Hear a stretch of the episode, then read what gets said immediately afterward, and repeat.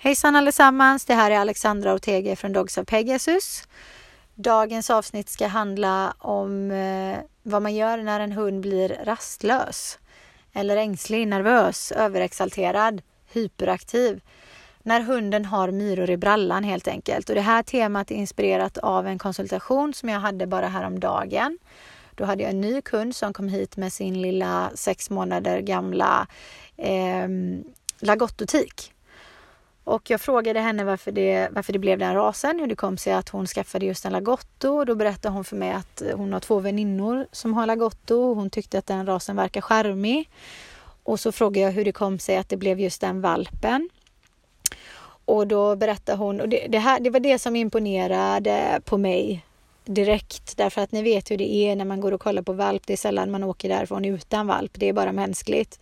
Men hon hade verkligen sunt förnuft. Hon var väldigt så här eh, närvarande. Hon hade sinnesnärvaro nog att inte bara agera känslomässigt. Så att hon hade först varit och kollat på en kull och åkt därifrån utan valp för att hon fick inte rätt känsla. Alltså bara en sån sak. Och sen hade hon åkt och kollat på en annan kull och då var det så att hon eh, möttes av fyra valpar som direkt eh, dök ner på hennes fötter och var igång där och var intensiva. Och så var det en liten valp som satt lite längre in och kollade på henne helt coolt, inte rädd eller kuvad eller så, utan helt cool. Och sen hade han lagt sig där på plats och fortsatt titta på henne lite sådär lugnt, intresserat men lugnt. Och då hade hon direkt sagt till uppfödaren att eh, om jag ska ha en valp härifrån så ska det vara den där valpen. Och så blev det. Så det var så hon hamnade där och jag, jag kände direkt att de passar väldigt bra ihop. I och med att hon hade valt med sunt förnuft och var vettig i hela det beslutet så hade hon också valt rätt hund för henne. Um, så att deras förutsättningar var väldigt goda från början och hunden hade fortsatt att vara lugn och avslappnad även efter flytten hem till henne och hade haft liksom som en naturlig off-knapp redan. Eh, men så sa hon att för ungefär sex veckor sedan så började hon bli stissig och ängslig och kom inte till ro. Och då sa hon att det oroar mig därför att jag vill ha en harmonisk hund som jag kan ta med mig överallt, som jag kan njuta av i många år och som kan njuta av sitt eget liv i många år. Eh, och då frågade jag henne om det var någonting som hade hänt för sex veckor sedan eller i den vevan. Liksom. Och då visade det sig att hennes två vuxna barn hade flyttat ut. Och då förklarar jag för henne att det som händer är inte bara det uppenbara, att flocken blir mindre och att det är två individer som lämnar, utan det blir också som ett platsvakuum efteråt. Därför att varje individ i ett hushåll tar ju upp en viss plats. Dels i form av fysisk yta och sen i form av sin utstrålning eller den liksom energiska platsen man tar. Ehm, och det har liksom blivit ett vakuum där nu när de har flyttat ut och det är ingen annan som har gjort anspråk på den platsen. Det är inte så att kvinnan har gått in och liksom sagt att okej, okay, men hunden, du får fortsätta eh, existera på den ytan, ytan du gör som du har gjort precis eller som du har gjort hela tiden innan de flyttade. Utan den ytan blev ledig och då har hunden börjat ta ut svängarna rörelsemässigt, eh, rent fysiskt i huset. Och den här ytan har gjort henne eh, mer stressad. Därför att ju mer hon har att röra sig på och ränna omkring på, desto mer stressad blir hon. Eh, och bara det att det, det har liksom den här stora platsen som har lämnats inte är upptagen Eh, Eh, så då har hon börjat ta den och det passar inte henne alls eftersom hon är en väldigt lugn och naturligt respektfull individ. Så att det stressade henne att ha så mycket att röra sig på, både mentalt och fysiskt. Ehm, så jag tror att det var där det startade. Eh, och egentligen man kan fundera över hur mycket det spelar roll vad det är som startade när det ändå är nutid man ska göra någonting åt. Men eftersom det här är en människa som har haft sin hund sedan den var åtta veckor gammal och den är bara sex månader nu så är det bara intressant om inte annat att kunna pinpointa var problemet sitter. Och det är också det är en, en, en bra information för henne att ha om inte annat. Man läser ju någonting utav det så har hon det i åtanke både nu och nästa gång till exempel. Eh, men i alla fall, och då hade det yttrat sig, jag frågade hur, hur vet du att hon blir orolig? Vad är det hon gör beteendemässigt som gör att du tolkar det som just det där? Och då sa hon att nej men som till exempel eh, när jag ska sätta mig och titta på TV då helt frenetiskt börjar hon att hämta grejer till mig och det är inte en eller två grejer utan hela tiden kommer hon att hämta grejer. Eh, och jag frågar, är det hennes egna leksaker hon hämtar? Är det vad som helst? Ja, det är vad som helst. Hon kan ta vad som helst. Och så hämtar hon det och sen släpper hon det där. Och så hämtar hon en ny grej och en ny grej och en ny grej. Och sen så börjar hon tugga på saker och det har hon inte gjort innan. Och det här, det här jag känner liksom inte igen henne. Och sen på slutet av konsultationen, eh, hon hade liksom den ena aha-upplevelsen efter den andra, så kom det också fram att även promenaderna hade blivit lidande för att hon hade varit så lugn och behaglig att gå med innan och det var hon tydligen inte längre. Så att hon hade liksom märkt eh, ett, liksom en eskalering i stressen och en massa stressbeteenden helt enkelt. Och rent praktiskt så var inte det så himla jobbigt för henne än så länge är hunden så pass liten att man lätt kan hålla tillbaks den i kopplet om den drar till exempel, om man nu känner för det. Eh, hon kan enkelt skopa upp alla de här grejerna hon plockar och lämnar hos henne och bara lägga tillbaks dem igen. Men hon är så pass, dels har hon öga för obalans uppenbarligen, men hon var också så pass kräsen att hon ser den här skillnaden i sin hund och vill göra någonting åt det redan nu. Och det är också en sån sak som inte alla tänker på det är väldigt många som inte ens ser de här skiftningarna i sin hund. Och sen är det många som ser det men tänker att äh, alltså, man, man, man lutar sig lätt mot ursäkter och liksom, men, hon börjar bli äldre nu, det ingår i den här åldern och ah, det är så oskyldigt ändå, det är ingen fara och hon vill bara leka. Alltså man, man lutar sig mot ursäkter hela tiden och sen finns det min favorit som inte alls är min favorit faktiskt, det är det värsta jag vet. och det är när folk ser skiftningarna men tänker jag ser vad som händer men, och jag ska göra någonting åt det men jag vill testa själv först. Och det är så här, vadå testa själv först? Vad menar du? Det finns folk som är bättre på det här än vad du är. Ta hjälp av dem. Det är inte, det är inte bristen på hjälp eh, som gör att du inte tar den utan det är att man är lat och att man är snål. Man tror att man tjänar pengar på att inte ta hjälp tidigt för det är inte så farligt när man egentligen bygger upp någonting som blir väldigt dyrt i längden. Så har, liksom, har du minsta problem, ta tag i det direkt. Hellre att man sitter där i stolen och känner fasen det här visste jag ju redan eller okej okay, var det så enkelt eller vad fan som helst. Eh, än att man liksom önskar att man hade tagit tag i det tidigare när det är dyrare och jobbigare och kräver mer utav dig. Och vad jag känner till eh, så har jag inga kunder som känner åh gud vad onödigt det här var. så att det är värt det. Det är definitivt värt det. Gå och sök hjälp om eh, ni anar att ni behöver det. Och det gjorde då den här kvinnan och eh, jag frågade henne vad gör du när hunden kommer med de här grejerna till dig? Vad är, vad är din nuvarande respons på det beteendet? Och då sa hon att antingen blir hon irriterad och avvisar hunden och liksom nu får du gå och lägga dig. Eller så om hon har hämtat någonting hon inte får ha, vilket är många av gångerna, så byter hon ut det mot någonting hon får ha, någon av sina egna leksaker.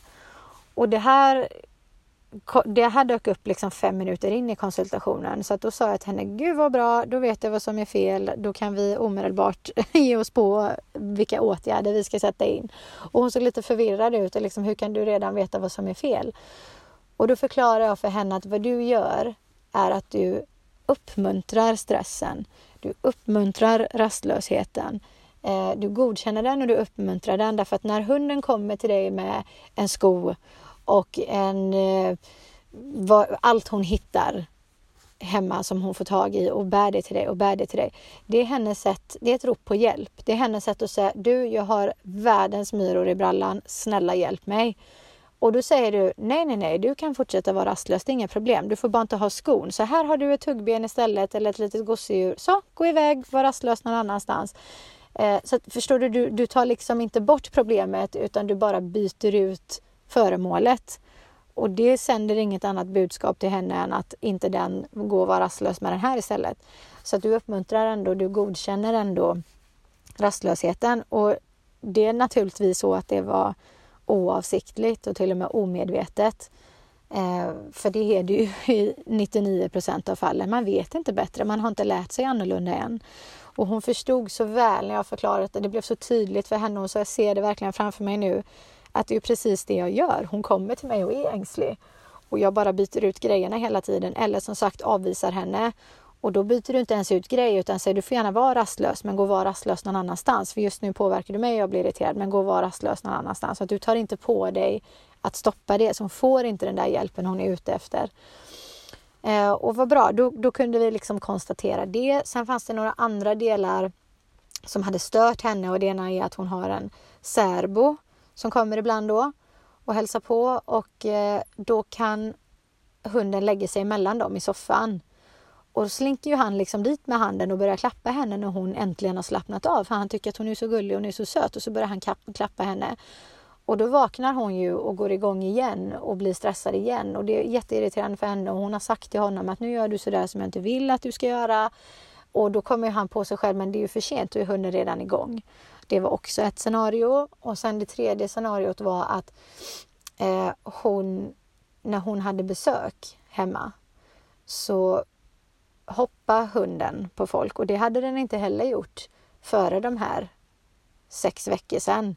Utan det började, de, det började hon med efter hennes döttrar flyttade hemifrån. Och det blev det här vakuumet som jag sa i platsen. Då hade hon börjat hoppa på folk och bli hysterisk och då sa jag, men vad tycker dina gäster om det? Ja men de tycker det är jättetrevligt. De tycker det är jättekul och de tycker hon är så söt och charmig och de blir så glada av att hon är där liksom. Eh, och då sa jag, tror du de hade känt samma sak om de kom med vita kläder och hon var lerig? Nej, det hade de ju förstås inte då. Men det behövde jag egentligen inte dra med henne för att hon var själv irriterad över att det, det, var så. Som sagt, hon har ett öga för obalans den här kvinnan och hon kunde se att det är inte glädje hon delar med mina gäster, det är stress. Jag vet hur min hund ser ut när hon är glad och då är hon inte så här. Det här är stress. Um, och uh, då sa hon att, så sa jag, vad har du gjort åt det? Nej, men då har jag satt upp ett kompostgaller i dörröppningen mellan hallen och köket. Och så får hon vänta där bakom och då hinner folk ta av sig lugn och ro och så vidare. Eh, det är bara det att det hjälper ju inte alls därför att när vi väl kommer fram till gallret och ska gå in där, då uppstår ju samma situation fast där istället. Så det var de tre scenarierna hon hade eh, problem med. Sen frågade jag om den här hunden Eh, Eh, hade något hundumgänge eller kände andra hundar, träffat andra hundar. Och då visade det sig att det var bara en gång hon hade träffat en annan hund sedan hon flyttade från uppfödaren. Och då hade de varit på någon slags middag eller tillställning och eh, då var det en annan person där som hade med sig en stor hund. Och den här stora hunden hade gått fram till valpen, nästan flygit fram och varit jätteintensiv och betett sig superrespektlöst och jätteivrigt och burdust liksom. Och då blev valpen jätterädd och försökte fly. Och hunden slutade inte där utan då, drog, då kickade dens eh, instinkter igång och, och sprang efter valpen och var superintensiv. Så hon blev liksom inte av med den här stora burdusa hunden. Så då hade kvinnan skopat upp sin valp och placerat henne i knät. Och då förklarar jag för henne, då, då hade vi liksom, okej okay, nu, nu har jag väldigt tydligt för mig vad du vill ha hjälp med och jag har fått svar på mina frågor. Nu kommer vi till åtgärdsdelen här. Och då börjar jag med den här hunden. Eh, det är väldigt viktigt att hon för att den här valpen, det såg jag sen när jag släppte henne med mina egna hundar, jag kommer till det sen. Men hon var väldigt naturligt respektfull. Så som hon beter sig när människor hälsar på, så betedde hon sig inte alls när mina hundar kom in. Hon flög inte på någon, var inte ivrig mot någon, tvärtom. Helt och hållet tvärtom.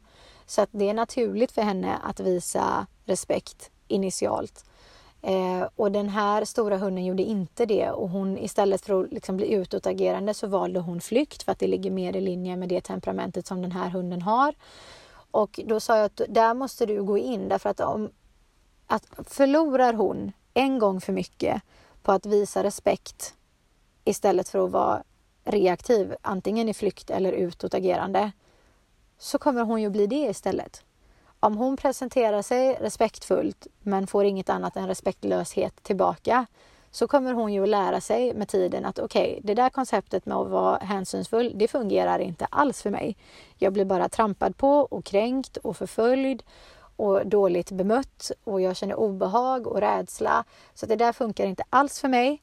Eh, nu jäklar får det vara nog och så reagerar de antingen med att fly för sitt liv och bli rädda, riktigt rädda eller bli utåtagerande och gå in i försvar istället. Och det här är ingen lång tankekedja tror jag, som en hund har, utan det är en instinktiv reaktion som händer där och då i stunden som en reflexhandling. Eh, och där vill man liksom inte hamna naturligtvis. Där vill man inte hamna. Så att man vill visa den här valpen att jo, din respektfulla inställning och ditt respektfulla beteende mot andra lönar sig. Och de hundarna som försöker trampa på dig och kränka dig och sådär, de kommer jag att stoppa. Då går jag in som din advokat, som din beskyddare och säger att hallå där, stopp, du kommer inte nära min familj med den sinnesstämningen. Och det var ju lite det konceptet hon egentligen hade i bakhuvudet, bara det att hon sa att det är inte, jag, jag, visste inte hur jag skulle stoppa den där stora hunden så då var det liksom lättare att bara skopa upp henne.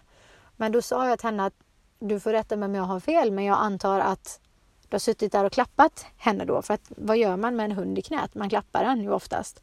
Och då, då förstärker du bara hennes negativa sinnesstämning, hennes negativa uppfattning. Du befäster bara att det som hände var dåligt.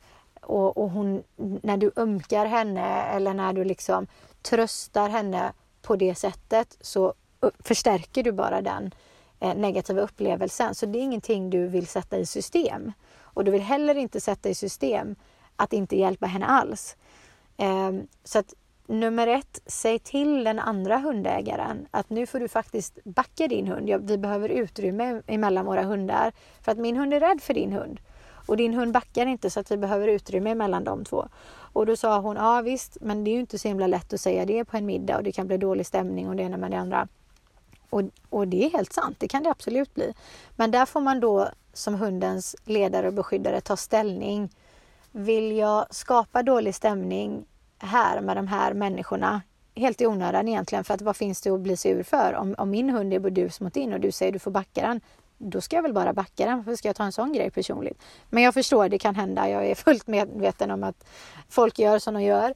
Ehm, och, och då får du ta ställning där att antingen så får det vara viktigast Eh, eller så får du bedöma att okej, okay, min hund kanske inte ska ingå i alla typer av sammanhang, i alla typer av miljöer och situationer. Ska jag gå på en middag där jag vet att den här hunden ska dyka upp till exempel och jag inte är i position eller det är inte lämpligt eller lägligt eller jag känner mig inte bekväm med att riskera att det blir dålig stämning tack vare att jag sätter en gräns där. Då får jag helt enkelt lämna hunden hemma eller lägga in henne i ett annat rum eller vad jag måste göra för att undvika att den här situationen upprepar sig. För att för varje gång som hunden antingen upplever att du inte skyddar hunden när den behöver att du skyddar den eller att du ömkar den eller förstärker en negativ sinnesstämning när du inte borde så leder det ju till större problem naturligtvis. Och det var hon helt med på. Så det var åtgärden för det problemet. Skapa space eller ha inte med din hund i sådana sammanhang. Sen när det kom till det här med sambon eller särbon i soffan och så, så sa jag att det, det kommer att bli din, alltså så länge hon lever, din utmaning, din personliga utmaning, ditt uppdrag att hela tiden utbilda folk och instruera folk i hur de ska bemöta din hund. Och då är det alltid bäst att skapa ett utrymme mellan hund och elev, om vi ska kalla det det, eh, medan instruktionerna ges. Därför att är hunden redan framme, precis som när, hon, du vet, när man öppnar ytterdörren för en gäst. Hunden flyger på och står där och hoppar och krafsar och håller på. Och när, medans det händer ska du informera din gäst om att de inte ska röra hunden. Det är lite sent påtänkt liksom. Eh, så jag sa att eftersom han har så lätt för att trilla dit med handen och det är ju för att hon ligger precis bredvid så kan du göra det lättare för honom att lyckas och lyssna på dig. För vad jag förstod det som så var det inte det att han struntade i henne utan han var helt med på noterna men han bara trillade dit för att det var så lätt hänt. Eh, då ska hon inte vara i soffan, så är det färdigt. Då är det enkelt löst. Ha inte hunden i soffan eftersom gubben är svårtränad. och så får hon, hunden få en egen bädd på golvet. Det går väl lika bra. Det går ingen nöd på henne. Um, så då är det löst för att det, det, är ganska osannolikt att han ska resa sig upp från soffan och gå flera meter bort till henne för att klappa henne där när ni är mitt uppe i ett tv-program utan det har ju liksom bara blivit så för att hon ändå ligger precis bredvid. Och då är det klart. Ehm, så det var åtgärden för det. Det tyckte hon också var jättebra. Hon frågade om man kunde ha någon slags gråzon för eh, att man vill ha hunden i soffan ibland. Eh, men mestadels inte. Jag sa att det går, men det krävs mer därför att det är ett mycket luddigare koncept än det här svartvita att du får bara inte vara i soffan någonsin, punkt slut. Eh, så det är helt upp till henne hur hon vill lägga upp det, men då ska hon vara medveten om att det är mer krävande av henne med gråzoner och, ett luddigare koncept. Och då var det hon själv som tyckte att nej men då kör vi på ingen soffa alls för det är lättare för mig och då, då får det bli så liksom. Eh, väldigt pragmatisk, jag gillar det.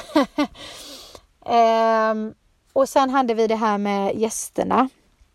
Och det var en sån bra grej för det är en, en sån sak som jättemånga känner igen sig och upplever också.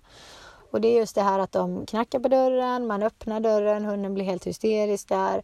Därför sätter man upp ett galler men sen blir det samma situation även där. Och då sa jag att du tänker rätt i del 1. Del 1 är skapa avstånd mellan människa och hund så att människa kan hänga av sig i lugn och ro, hälsa på dig i lugn och ro, få instruktioner om det är så. Det bara, och det har du gjort rätt. Det är bara det att du fallerar i del två. Och del två går ut på att samma avstånd som fanns mellan människa och hund i hallen ska fortsätta sen. Så att när ni kommer till kompostgallret in till köket, då går du in först och då viftar du bort henne tre meter bort igen. Och så säger du till din gäst att sätta sig där och hunden ska till sin bädd och där blir de sittande. Så att det, det, blir liksom ingen kroppslig kontakt. Du ser till att det blir ingen fysisk kontakt dem emellan. För att du ger din hund instruktioner om att backa och du har redan gett instruktioner till din gäst om att inte söka den kontakten och bara låtsas som att hunden inte finns där. Inte stelt, inte konstigt, inte onaturligt, bara låtsas som hunden inte finns där. Ignorera den helt enkelt. Liksom. Eh, och så ser du till att avståndet fortsätter tills hunden har lugnat ner sig. Och egentligen finns det ingen som helst anledning att vare sig gästen är där i fem minuter eller fem timmar så ska hunden fram och kela med gästen. Det finns ingen anledning. Men menar, vissa människor är mer bekanta med oss än andra och jag kan förstå att man tycker det är mysigt och det kan också vara jättetrevligt för hunden och så vidare. Och, och då är det inte så att man måste förbjuda all kontakt med gäster med sin hund. Eh, men att man flyttar fram det tills hunden är lugn, att man låter det vara det här avståndet tills hunden skiter i gästen i princip. Att okej, okay, nu har jag fattat att du är där, jättekul, men det bekommer inte mig längre. Det hade varit läge att säga bra, nu får ni hälsa om ni vill det. Och att man håller en begränsning i hur, hur intensiv hunden blir i det läget. För det som händer nu är att när du öppnar grinden där, då bara skiter du i det konceptet du etablerade i hallen. Och det är klart att det fallerar då. Då har du som du säger själv bara flyttat fram det några meter och några minuter i tiden. Så du fortsätter med samma koncept. Några meters avstånd hela tiden så att ingen av dem trillar dit. Um, så det var åtgärden på det problemet och sen hade vi den här stora grejen då som handlar om stressen. Och då var det det här att um, hon uppmuntrade genom att byta ut aktivitet eller byta ut föremål hela tiden så att den här rastlösa aktiviteten fortfarande håller på. Och då fick jag förklara konceptet för henne vad det gäller den passiva formen av aktivitet. Att om du nu vill ha en hund som kan följa med dig överallt, där du kan sitta på en uteservering på centralstationen och hunden ska ändå ligga och ta en tupplur medan det är fullt av liv och rörelse precis omkring dig. Eh, då måste den kunna göra det hemma där det inte händer ett skit. Alltså den hunden som inte ens kan vara lugn hemma bakom stängda dörrar eh, omgiven av fyra väggar och ett tak där det inte händer någonting. Den hunden kan definitivt inte förväntas vara lugn i en hundra gånger svårare, mer intensiv och distraherande miljö. Det är bara logik, det är ren logik. Så du måste starta hemma. Och eh, när hon kommer till dig och är rastlös, istället för att byta ut en sak mot en annan, så behöver du hjälpa henne med att gå och lägga sig på rätt plats, en angiven plats som du har gett henne. Och om vi ska bara ta det rent konkret vad det gäller platsen, så väldigt många placerar hundbädden bredvid soffan. Så vid soffans kortsida sätter man en hundbädd där och har man då en hund som lätt det spelar ingen roll om man har världens lugnaste hund var hundbädden ligger. Men nu är det inte det vi pratar om utan det här är en hund som i grunden är lugn men som har blivit rastlös nu och behöver få hjälp med det. Eh, placerar du bädden bredvid soffan om du vill att hon ska vara kvar där och du kommer speciellt i början behöva påminna henne om detta tills hon förstår konceptet och lyssna på det, respektera det, så kommer du behöva påminna henne och det hinner du liksom inte göra därför att om du sitter och tittar på TV och inne i ett program är fokuserad på annat håll, hunden kommer vara uppe i, i knät på dig innan du ens hinner reagera och då har du för det första gjort det väldigt lätt för hunden att göra fel och det är ju oschysst och orättvist bara. Därför att sen är det hunden som får skit för det när den väl gör fel. Och sen nummer tre är att hunden är så himla mycket svårare att backa. Det krävs en större åtgärd och mer ansträngning från din sida att backa henne när hon väl är framme hos dig och som mest intensiv och målmedveten än om du backar henne när hunden är på väg att göra fel, när hon har rest sig upp i bädden till exempel. Eller du ser att hon söker din blick och ni råkar få ögonkontakt och du ser att den här glimtan av hopp tänds där hon tänker oh, nu får jag resa på mig och, och springa bort till dig. Redan när du ser de här små grejerna, om du stoppar det redan där så krävs det mycket mindre. Och du behöver inte ge hunden skit för, för att den gjorde fel, för den har inte gjort fel än. Den har, tanken har bara slagit den och den är på väg men du tar det redan där. Så därför så föreslår jag att man placerar hundens bädd mitt emot den istället. För då hamnar hunden i ditt naturliga synfält. Så till exempel om du sitter och tittar på TV, eh, då ser du i ögonvrån om hunden är på väg att röra sig. Om hunden är på väg att, att lämna bädden till exempel. Och då räcker det kanske med ett upp, upp, upp och så visar man hunden att nej, nej, du ska vara kvar där och kanske ställer sig upp och tar max något steg mot eller så om det är en, en enträgen hund som man behöver eh, visa det starkare.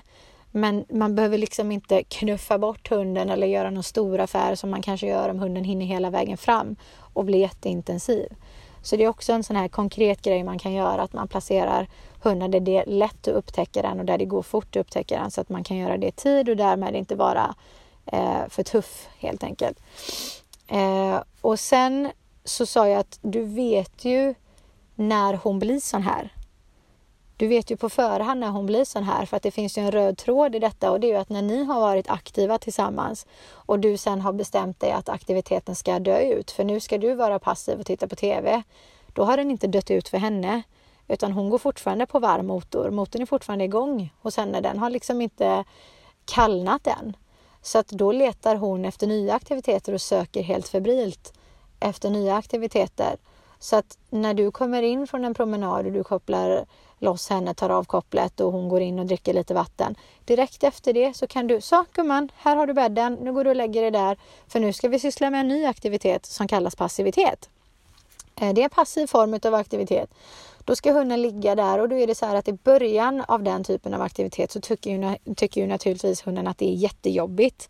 Därför att den har en hjärna i skallen som är lättdistraherad och, och allt annat eh, pockar på uppmärksamhet. Och det är där din relevans ställs på spel därför att hur relevant du är för din hund tävlar med 400 andra grejer som lockar på hennes uppmärksamhet. Hon hör någonting, hon ser någonting, hon känner doften av någonting, vad det än är, som bara skriker åt henne kom hit och uppmärksamma, uppmärksamma mig, gör någonting åt det, kom fram och titta, kom fram och kika och lyssna. De här grejerna tävlar med ditt krav på självdisciplin, på självbehärskning. Så det är där det ställs på spel hur relevant du faktiskt är för din hund i förhållande till de här andra grejerna som lockar på hennes uppmärksamhet. Och det här är en perfekt övning för att bli relevant i hundens ögon, där du faktiskt står på dig och fullföljer ditt krav. Så att liksom förvänta inte dig att bara för att du säger kom gumman lägg dig i den här bädden att hunden ska bara åh gud tack för instruktionen jajamän jag ska ligga där i fyra timmar och snarka järnet bara för att det här var exakt vad jag behövde. Så funkar det inte utan det är en massa andra grejer som lockar på hennes uppmärksamhet och hon hade till exempel testat att ha henne i en komposthage Därför att hon sa att hon blir för jobbig på mina gäster och jag bara känner gud nu har jag delat fokus för jag har folk här. Då har jag liksom lagt henne i en komposthage och där slocknar hon som en släckt lampa verkligen. Hon bara pang ner, sover som en stock. Och då sa jag, men det är ju för att gallerna gör det som du borde göra. Gallerna står, gallerna representerar de gränserna som ditt ord kan stå för. Ditt nej, ditt stanna kvar, ditt nu gör vi så här.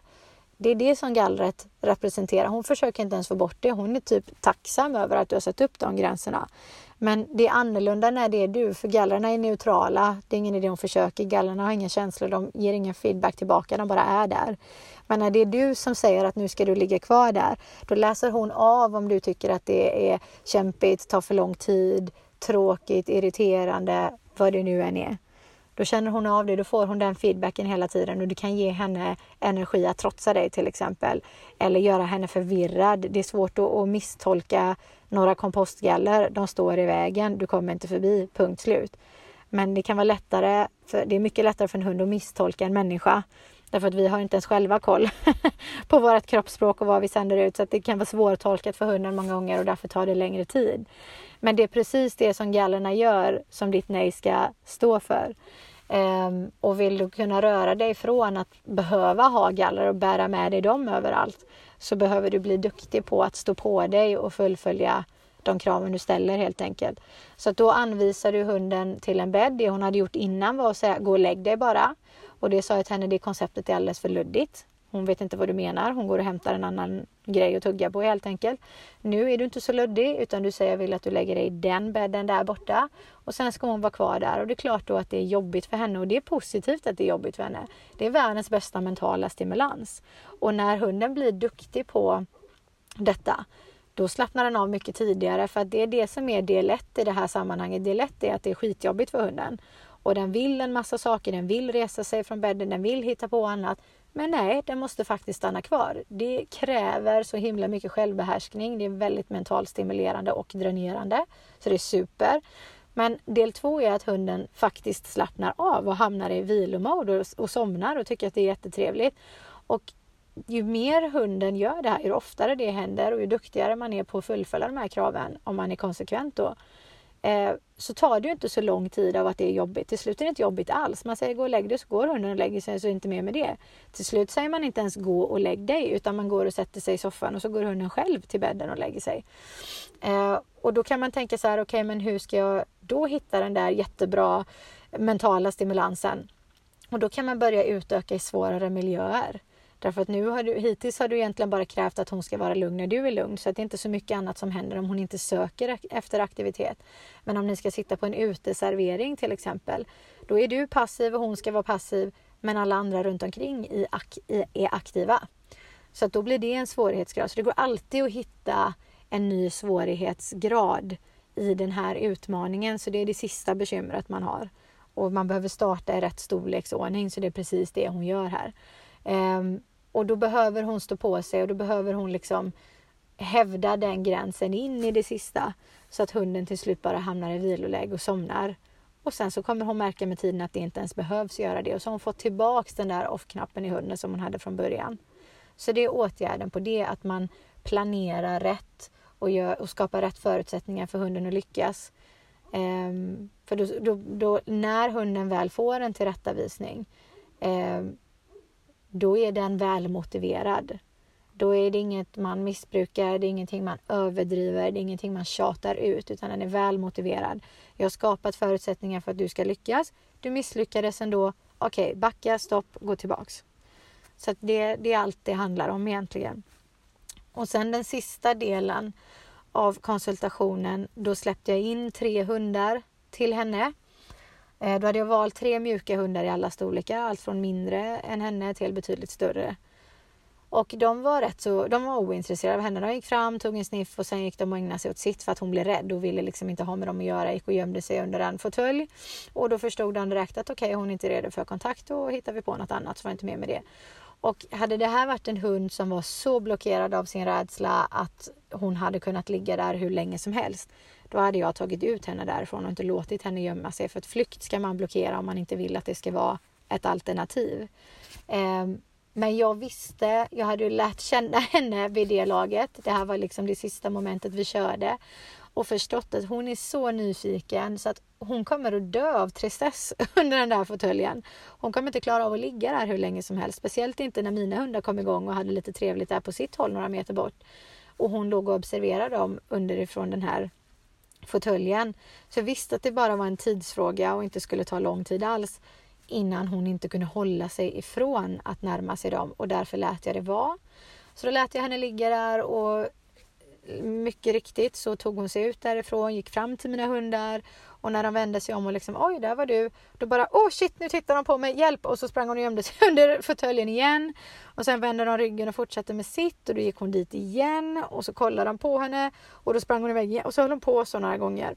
Och sen till slut så, jag hade med min hund eh, Millennia och eftersom den här valpen höll på så här fram och tillbaka så tänkte så Melania trodde att det var en lek så hon liksom okej, okay, det här var en konstig lek men fine, jag är leksugen så vi kör. Så hon liksom börjar slå med frambenen i, i golvet och göra lekinviter och när hon kommer upp i varv och kommer igång sådär, då blir hon snackig. Hon är verbal av sig, då börjar hon liksom så här, snacka. Och det tyckte valpen var jättekonstigt så då blev hon så här förvirrad igen och bara åh gud vad menar du med det där? Det där var läskigt, det vet jag inte hur jag ska hantera. Och så gick hon och gömde sig igen och så tillbaka och så fram och tillbaka sådär några gånger. Eh, men sen kunde hon inte hålla sig och sen fick hon kläm på hela saken. Sen förstod hon att okej, okay, du snackar, du är inte arg och du vill leka och det är kul och ni är vänliga och det är ingen som pressar mig. När jag sticker eh, så är det ingen som förföljer mig eller tvingar mig utan då är det lugnt liksom. Och det blir så att när en hund förstår att deras nej respekteras så vågar de säga ja. Det vore bara dumdristigt att säga ja om man inte vet att ett nej kommer accepteras. Eh, så det var jätteväl tänkt av henne att göra precis på det sättet. Så så gjorde hon och eh, det blev jättebra. Alltså då, hon kom igång, hon lekte, hon hade kul. Hon har förmodligen inte haft så roligt på jättelänge och det är inte för att de har brist på aktiviteter hemma hos sig. Eh, för hennes matte aktiverar henne alldeles tillräckligt. Speciellt för den åldern hon är så att det är ingen brist på, på det i hennes liv. Men hon hade riktigt jäkla kul och hon sprang där med dem och var supernyfiken och jättefascinerad och sådär. Och då när hon var i sitt esse och hade det som roligast då bestämde jag att eh, det var dags att avsluta och avrunda där så att vi skulle behålla lite av nyfikenheten till nästa gång. Så så gjorde vi. Ehm, och det var riktigt bra alltså. Och hon var så vettig den här kvinnan. Och det blev, det blev så självklart när hon berättade när hon, precis när de skulle åka att hon är högstadielärare och dessutom älskar sitt jobb. Så att alltså om det är någon som vet och förstår vikten av disciplin och regler och gränser så är det lärare. Så att hon förstod, hon var helt med på noterna och hade inga problem med det här konceptet och skulle hem och, och börja utöva det och var taggad på det. Så det var jätteroligt. Och den här hunden var så himla trevlig. Eh, rent genetiskt väldigt stabil hund. Så att de har alla förutsättningar i världen att göra någonting bra av det här. Och eh, ja, jag är superoptimistisk. Men den konsultationen inspirerade mig till det här ämnet för att det är så många som hör av sig till mig som redan har varit hos eh, på andra ställen innan och försökt få hjälp. Men då har deras råd blivit att okej, okay, din hund är rastlös, den är ängslig, den är nervös, den är överexalterad. Det är nog för att den är uttråkad. Du måste ge den mer att göra. Du måste aktivera, aktivera den mer. Eh, du måste gå oftare i agility, oftare i spår, köra mer lydnad. Alltså aktivera mer och mer och mer och mer och till slut så blir det ett nervvrak som går in i väggen. Alltså hundens version av att gå in i väggen. Det bara smäller, det blir inget bra. Och så blir hunden hyperaktiv eller bara allmänt jobbig. Kan inte varva ner. Det är en hund, du kan inte ta med dig den någonstans för att den blir jobbig. Tar du med den till en bekant så börjar den skälla eller rota runt och härja och hålla på. Och sitter du vid en, på en uteservering så flyger du med bordet snart för att den liksom reagerar på minsta lilla grej som går förbi. Det blir en hund som, som är svår att ha med sig helt enkelt. Och då är det ändå personer som har satsat eh, för att få hjälp med det här men fått svaret att din hund är uttråkad, du måste aktivera mer. Och eh, jag har sett det i konversationer, ett antal konversationer på nätet förr. Det var inte ens länge sedan någon visade mig något liknande. Eh, där en person hade exakt samma typ av problem, en äldre hund, en, en sex månader. Och alltså 98 procent av råden i den här tråden var att du måste aktivera mer. Har du testat detta? Har du testat detta? Och det var den ena aktiviteten efter den andra. Och jag bara kände, gud, allt den här stackars hunden behöver är att varva ner och inte göra ett skit. Bara slappna av, ta det lugnt, släpp allting och gå och lägg dig och vila. Um, så det, det är lite så här att om man ska jämföra med USA där, de inte, där hundarna får alldeles för lite fysisk motion, det är knappt någon alls. Uh, de är helt värdelösa på det i regel. Och så jämför man med här där vi är för duktiga på det där nästan. Alltså, uh, aktiviteterna i sig är bra, men vi drar det till sin spets. Det går till överdrift. Vi lär inte hundarna att slappna av istället. Eh, vi lär dem inte att, att det finns en tid och plats för att vara aktivt aktiv. Och all, liksom den allra mesta tiden är man passivt aktiv istället. Man, man deltar på ett passivt sätt. Så jag hoppas att det gav er någonting det här ämnet därför att det är så himla vanligt. Och eh, jag tackar återigen så mycket för all positiv feedback. Har ni frågor och så, frågeställningar som ni vill att jag ska ta upp i podden så skriv till mig, berätta för mig, eh, ställ frågorna till mig eh, så ska jag ta upp dem. Jag tar det i turordning, jag tar upp dem. Eh, ja, det var allt för mig för den här gången. Jag tackar så mycket för er tid och hoppas att ni har en trevlig morgon, middag, kväll, natt när ni nu än lyssnar på det här. Och så ses och hörs vi allesammans. Toodiloo och mot balans!